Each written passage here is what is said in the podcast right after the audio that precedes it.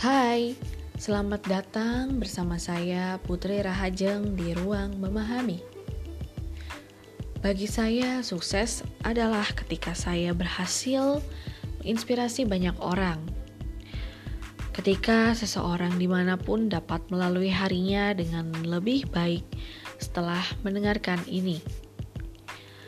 Selamat memahami